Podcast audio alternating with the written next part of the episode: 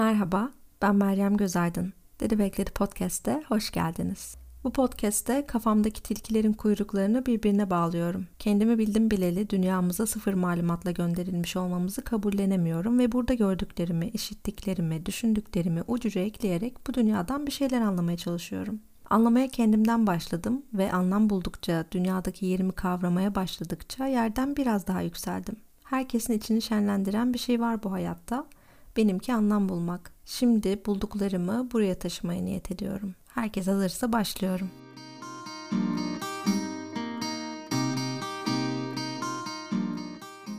Uzun bir zamandır sürekli eteğimden çekiştiren bir çocukla yaşıyor gibiyim ben.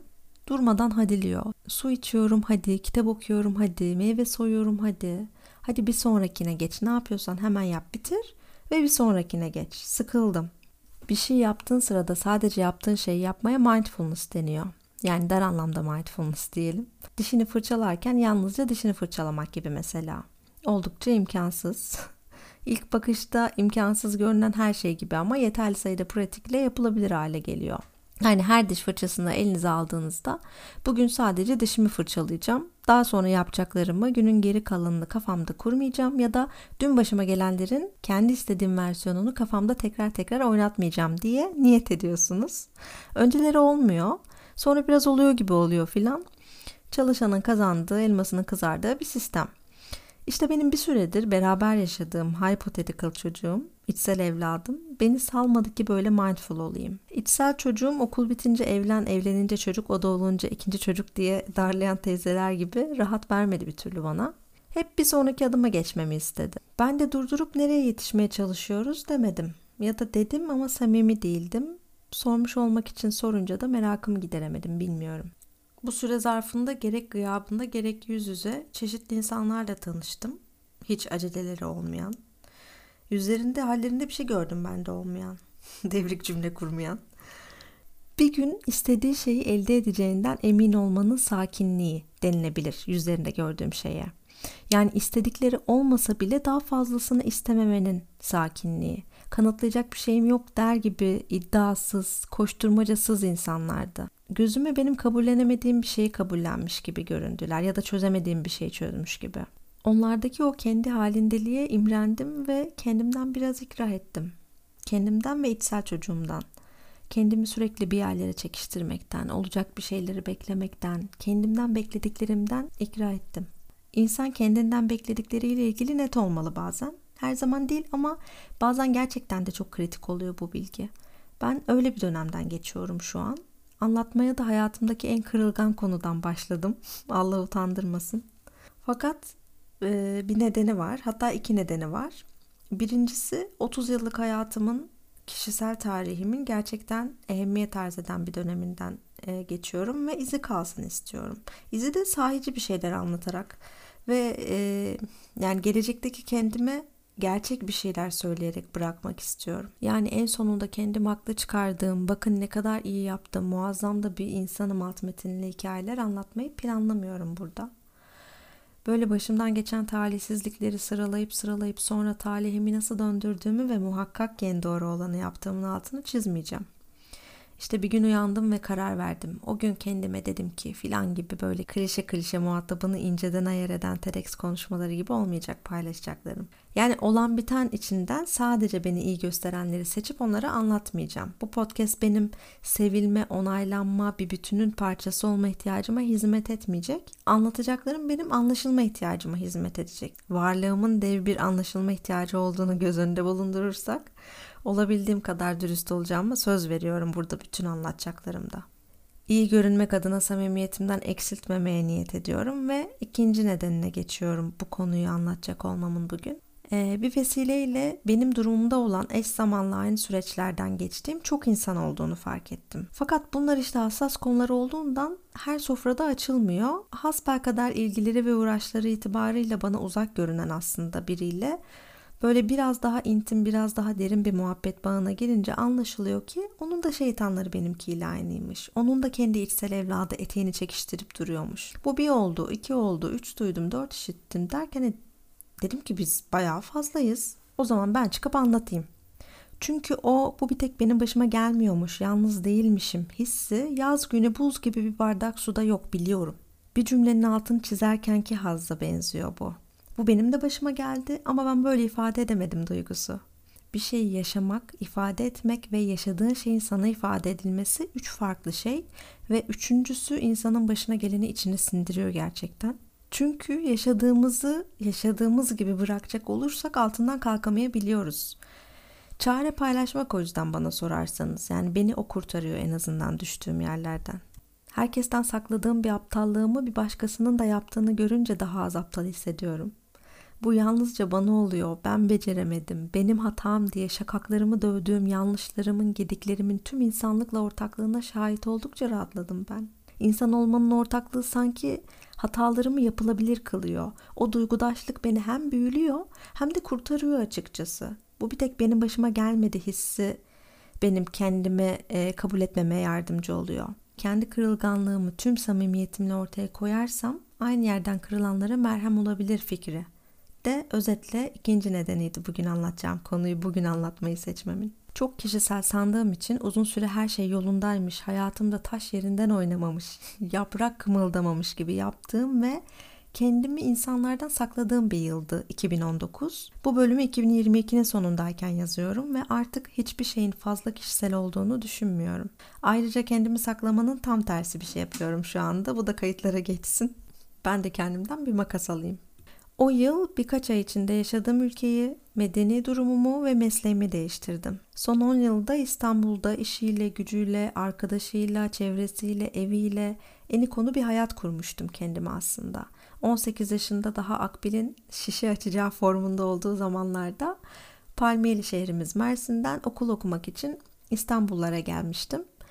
Ve her şey çok zordu ya ilk geldiğimde. Yani çeşmeden su içmeyi bırakıp damacanayla tanışmak, 8 kişilik yurt odasında kalmak, annemden ayrılmak, iktisada giriş ve doğru otobüse binebilmek. Yani en zoru oydu galiba ya. Çünkü e, akıllı telefon yoktu o zaman. Ve hareket amirleri vardı duraklarda. Hatırlayanlar var mı bilmiyorum. Nereye gitmek istediğinizi söylediğinizde binmeniz gereken otobüsün üstünde hangi rakam ve harf kombinasyonu var onu söylüyor size. Yani işte Koca Mustafa Paşa'ya gideceğim. 35 A'ya bin, Beşiktaş'a 28 T'ye bin gibi bilgiler veriyor. Ay şimdi düşününce yani akıl sır erdiremiyorum. Böyle bir işsizlik çeşidi olabilir mi ya? Neyse kimse gücendirmeyelim. İleride zaten hepimiz için böyle diyecekler. Robotlar. Neyse konu dağıtmada benim gibi olmayın. Diyeceğim 10 yılda 15 milyon Meryem yarattım her yaştan ve en son 28'de takribi 2 yıldır cilveleştiğim olana evet demek suretiyle dünya evine girdim. Oradan da gerçekten şipşak diyebileceğimiz bir hızla istifamı verdim ve Almanya'nın Berlin şehrine sağ ayağımızla giriş yaptık. Hikaye esasen burada başlıyor. E, tüm bunlar olurken Covid adlı virüs çeşidine ismini veren 2019 yılımızın e, son aylarıydı ve 2020'nin başında da malum virüs e, biz taşındıktan sonra Avrupa'ya giriş yaptı. Ve biz bu süreci mütakiben takribi iki yıl istesek de istemesek de e, hiçbir şey yapamadık. Yani çok mu şey istedik? Hayır, belki biraz gezmek, Avrupa'ya gelmişken civar kültürleri tanımak güzel olabilirdi. Ama olmadı e, hareket içeren, mobilite gerektiren hiçbir şey yapamadık o dönem dünyanın geri kalanı gibi. Ve bilin bakalım o zamana kadar benim hayatımdaki en hareket içeren şey neydi? Mesleğim, işim. Az önce laf arasında geçirdiğim gibi medeni halim ve yaşadığım ülke konusunda bir takım ıslahat hareketlerine girişirken 6 yıllık mesleğim olan vitrin ve mağaza görsel düzenleme uzmanlığı title'ımı da geride bıraktım. Ve öyle geldim bu topraklara. İsmimin önündeki titirden olmak beni armut gibi hissettirecek sanmıştım başta ama hiç öyle olmadı. Aksine yaz gelmiş de aylardır üstümü örttüğüm ağır pamuk yorgandan kurtulmuş gibi oldum. Yani mesleğimi severdim, onu kötülüyorum gibi duyulmasın. E, mesleğim iyiydi de çevresi kötüydü, insanlar zordu, sektör zordu, patronlar zordu filan. Neyse oralarla çok işimiz yok. En nihayetinde adamın önünde bir şey olmadan da ben sadece ben olarak kalabildim. Bu çok korkunç duyuluyor bazı kulaklara biliyorum. insanın benliğinde bir güvenlik açığı oluşturmalı mesleksiz kalmak diye düşünüyor insan. Şimdi ne yapacağım, ne olacak telaşından sıyıracak gibi olurdum ben dedi mesela bir arkadaşım. Başka bir arkadaşım ben senin yerinde olsam kendi ayaklarım üzerinde durmayı önemserdim dedi.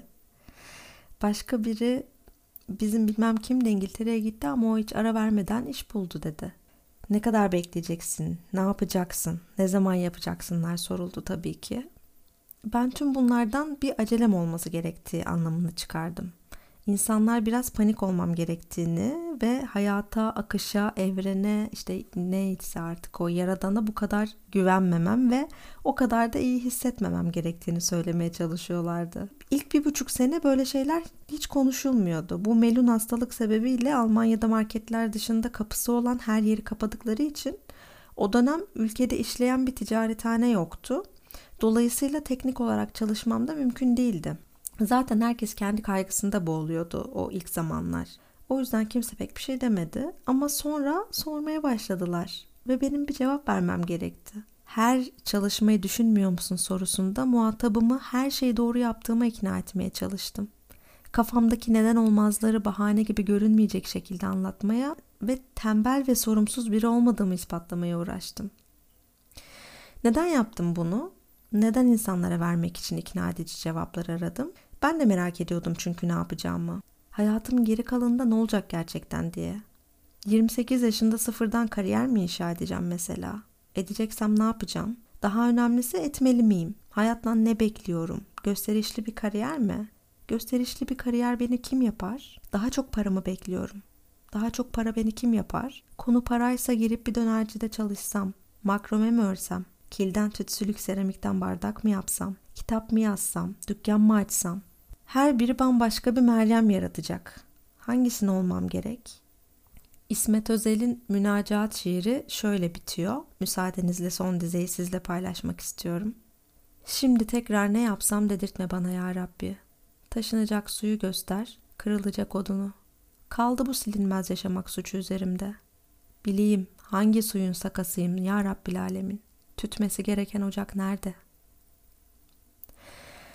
Bu şiir benim şiir diye bir şeyin varlığından haberdar olduğumdan beri en sevdiğim şiir. Lisede edebiyat öğretmenimden duymuştum ilk kez. Bilmeyen varsa bölüm bittikten sonra açıp okusun, benden hediye olsun. İsmet Özel dua diyebileceğimiz bu dizelerini yazarken benle aynı şey mi düşünüyordu bilmiyorum ama ben okuyunca kendimi anladım. Derdimi anladım yani. Buraya geldiğimden beri dışarıdan öyle gözükmese de kafamın bir tarafıyla sürekli ne yapacağıma dair sorular soruyorum ve cevaplar arıyorum. Demliği sıcak suyla doldururken, halıdaki tüyleri toplarken, çiçekleri sularken, biriyle konuşurken bile tamamen dikkatim yaptığımda değil, orada değil, o anda değil, ileride.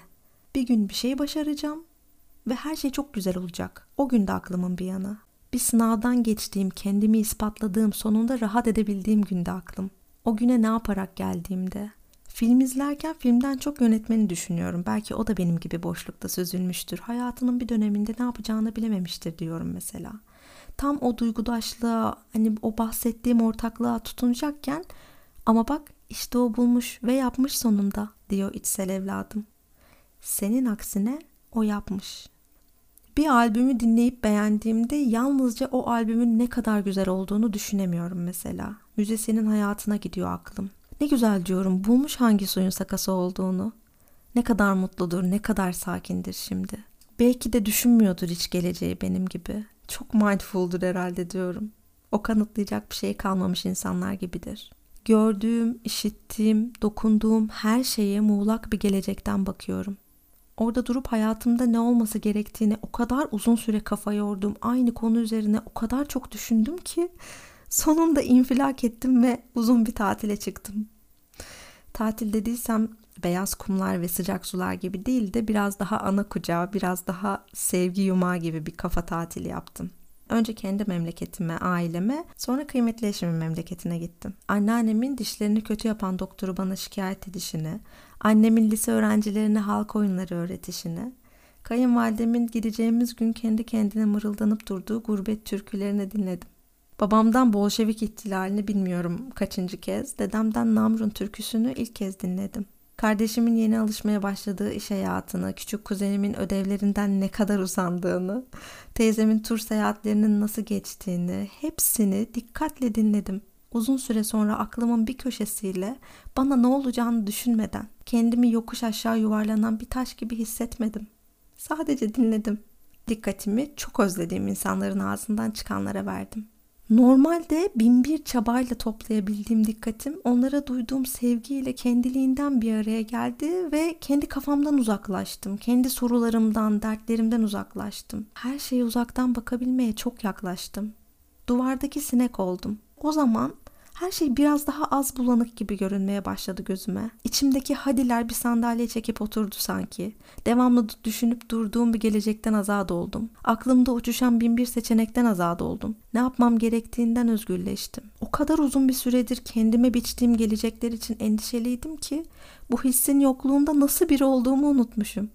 Görünen bir efor harcamadan kalıcı bir değişim yaratmanın yollarından ikisi aynı anda oldu bana bu tatilde hatırı sayılır bir süre mekan değiştirmek ve koşulsuz sevgiye maruz kalmak. Bu niyetle çıkmamıştım yola. Benim kafamdaki çözüm oraya gidip orada da biraz düşünmek, daha çok düşünmekti. Ama işte hayat sadece bizim çözebileceğimiz, dahası bizim düşünerek çözebileceğimiz bir şey değil. Sihirli şeyler irademiz dışında olur zaten genelde. İçine gömüldüğümüz için, belki dibe çöktüğümüz için neyin içinde olduğumuzu anlamadığımız zamanlarda şanslıysak hayatın eli bir şekilde bizi oradan alır ve dışarı fırlatır. Her şeyi dışarıdan görmek bize bambaşka bir bakış açısı kazandırır. Ben muğlak bir gelecekte ne yapacağını kafayı takmış Meryem'den dikkatini şu anda ne yapmayı sevdiğine getirebilen Meryem'e bu şekilde evrildim. Aylarca yaşam tekamülümü bulmak, kendimi gerçekleştirmek, nihai görevimi anlamak, yüksek amacımı kavramak gibi bir yerden ne olacağıma dair ihtimalleri değerlendirip durdum. Günde en az 9 saatimi vakfedeceğim bir şey anlamlı olsun istediğim için bir dönerciye girip çalışmadım ya da benim için kolay ama zevksiz olanı seçip yapmayı bildiğim tek şeyi sürdürmedim. Yeni ve anlamlı bir şey bulmak istedim. Tek başıma bunun gayretini sürdürmeyi denerken bir yandan da herkese sadece bir ev hanımı olmadığımı, aslında daha fazla şeyi başarabileceğimi, yalnızca nasıl yapmam gerektiğini, neresinden başlamam gerektiğini henüz bulamadığımı uygun bir dille anlatmaya çalıştım. Her akşama kadar ne yapıyorsun diye sorulduğunda o kadar çok insana, o kadar çok şey söyledim ki dikkatle dinleyen herkes aslında sadece ben bu kadar değilim, yemin ederim ki daha fazlayım demek istediğimi anladı. Allah'tan çok az kişinin birbirini dikkatle dinlediği dünyamızda işte ben böyle böyle yorgun düştüm. Yaşadığım ülkede kalsaydım muhtemelen mesleğimi yapmaya ve benzer şeylerden şikayet etmeye devam ederdim. O zaman da başka şeylerle sınanacaktım eminim.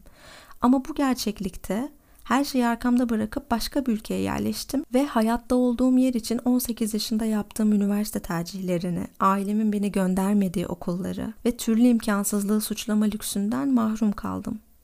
Kendi hayatımın sorumluluğunu almak, kendi vaktimi nasıl kullanacağıma, neye yatırım yapacağıma, kendimle ne yapacağıma kafa yormak durumunda kaldım. Her sabah uyandığımda günümü neyle geçireceğimi seçmek başlarda heyecan vericiydi ama sonra geceleri bugün de geçti ve ben hala aynı yerdeyim düşüncesini ve ardından gelen ya yarın da böyle geçerse ya hayatım böyle geçerse korkusunu yine tek başıma omuzladım. Ne kadar büyük bir sevgiyi paylaşırsanız paylaşın bunları kimse sizin yerinize düşünemez. Bir başkası her an aklında böyle bir uğultuyla yaşamanın ne olduğunu bilemez. Yaşam sorumluluğu devredilemez bir şey ne yazık ki. O yüzden kendinize mecbursunuz. Kendinizi anlamaya, kendinizle ilişki kurmaya, gerçek benliğinizle dürüst ve şefkatli bir bağ inşa etmeye mecbursunuz. Bir gelir modeli bulmam lazımdan çok daha derin bir şeyden bahsediyorum. O kadar okul okudum, kaç sene emek verdim, kariyer yaptım, boşa gitmesinden başka bir şey annem babam beni okuttu. Onları gururlandırmalıyımın çok çok ötesinde bir şeyden bahsediyorum. Başkalarının sizin hakkınızdaki beklentilerine hatta kendi beklentilerinize karşı bile dimdik durmak, varoluşunuzu yapmanız ve olmanız gereken tonla şeyden sıyırmak ve kendinizi bebek adımlarıyla anlamaya çalışmak kendinize karşı sorumluluğunuz. Yoksa bu katmerli varoluş sancısı bütün özgüveninizi yerden yere vurur. Hayattan aldığınız keyfe de ot tıkar. Ben kendimle ne yapacağıma kafayı taktım. En sondan başladım. Direkt neticeye, sonuca ulaşmaya çalıştım ama oraya gidebilmek için hiç beklemediğim sınavlar vermem gerekti. Ben hadi hadi dedikçe hayat dur önce bir şunu öğren sonra ilerlersin deyip beni yeni bir imtihanla sınadı. Ben oraların içinde çok acelem olduğu için durmakta çok zorluk çektim. Hayat akışımın beni böyle durdurup kendi hakkımda yeni bir şey öğrettiği tüm deneyimlerin içinde kalmakta o kadar zorlandım ki. Çünkü odam şu anda ne olduğunda değil ilerideydi. Ne olması gerektiğindeydi. Ama muhtemelen sihir o an olandaydı. O anda olan bitenin içinde nasıl kaldığımdan, kendime nasıl davrandığımdan öğreneceklerim vardı. Bir noktada buna uyandım işte. Doğduğum toprakların bereketi mi, dedemin türküsü mü, annemin sevgisi mi? Bilmiyorum bir şey yaralarımı sardı ve ben bunları anlatmaya karar verdim. Genelde böyle şeyler geçip gittikten, her şey tatlıya bağlandıktan sonra anlatılır ve işte ama şimdi iyiyime bağlanır. Ben hayatımın en kırılgan döneminde her şeyin tam ortasındayken anlatmayı seçtim. Çünkü birincisi en başta da söylediğim gibi varoluşum dev bir anlaşılma ihtiyacından ibaret. İkincisi yine başta söylediğim gibi böyle hissedenler olarak az değiliz. İçinden geçtiklerim de bana özel değil. Hayatını baştan kurmak, kendini kendine kanıtlamak zorunda kalmış herkesin en az bir kere sen ne iş yapıyorsun sorusu karşısındaki anlık durak sayışından sarılıyorum bu bölümle. Böyle bir derde olmayıp beni buraya kadar dinleyen herkese de kalpten bir teşekkür ediyorum. En sonda kendime içimdeki seslerin hangisini kısacağımı, hangisine kulak vereceğimi, kendimle nasıl konuşacağımı öğrenmeye harcadığım çaba için teşekkür ederim. Bir sonraki bölümde görüşmek üzere. Hoşçakalın.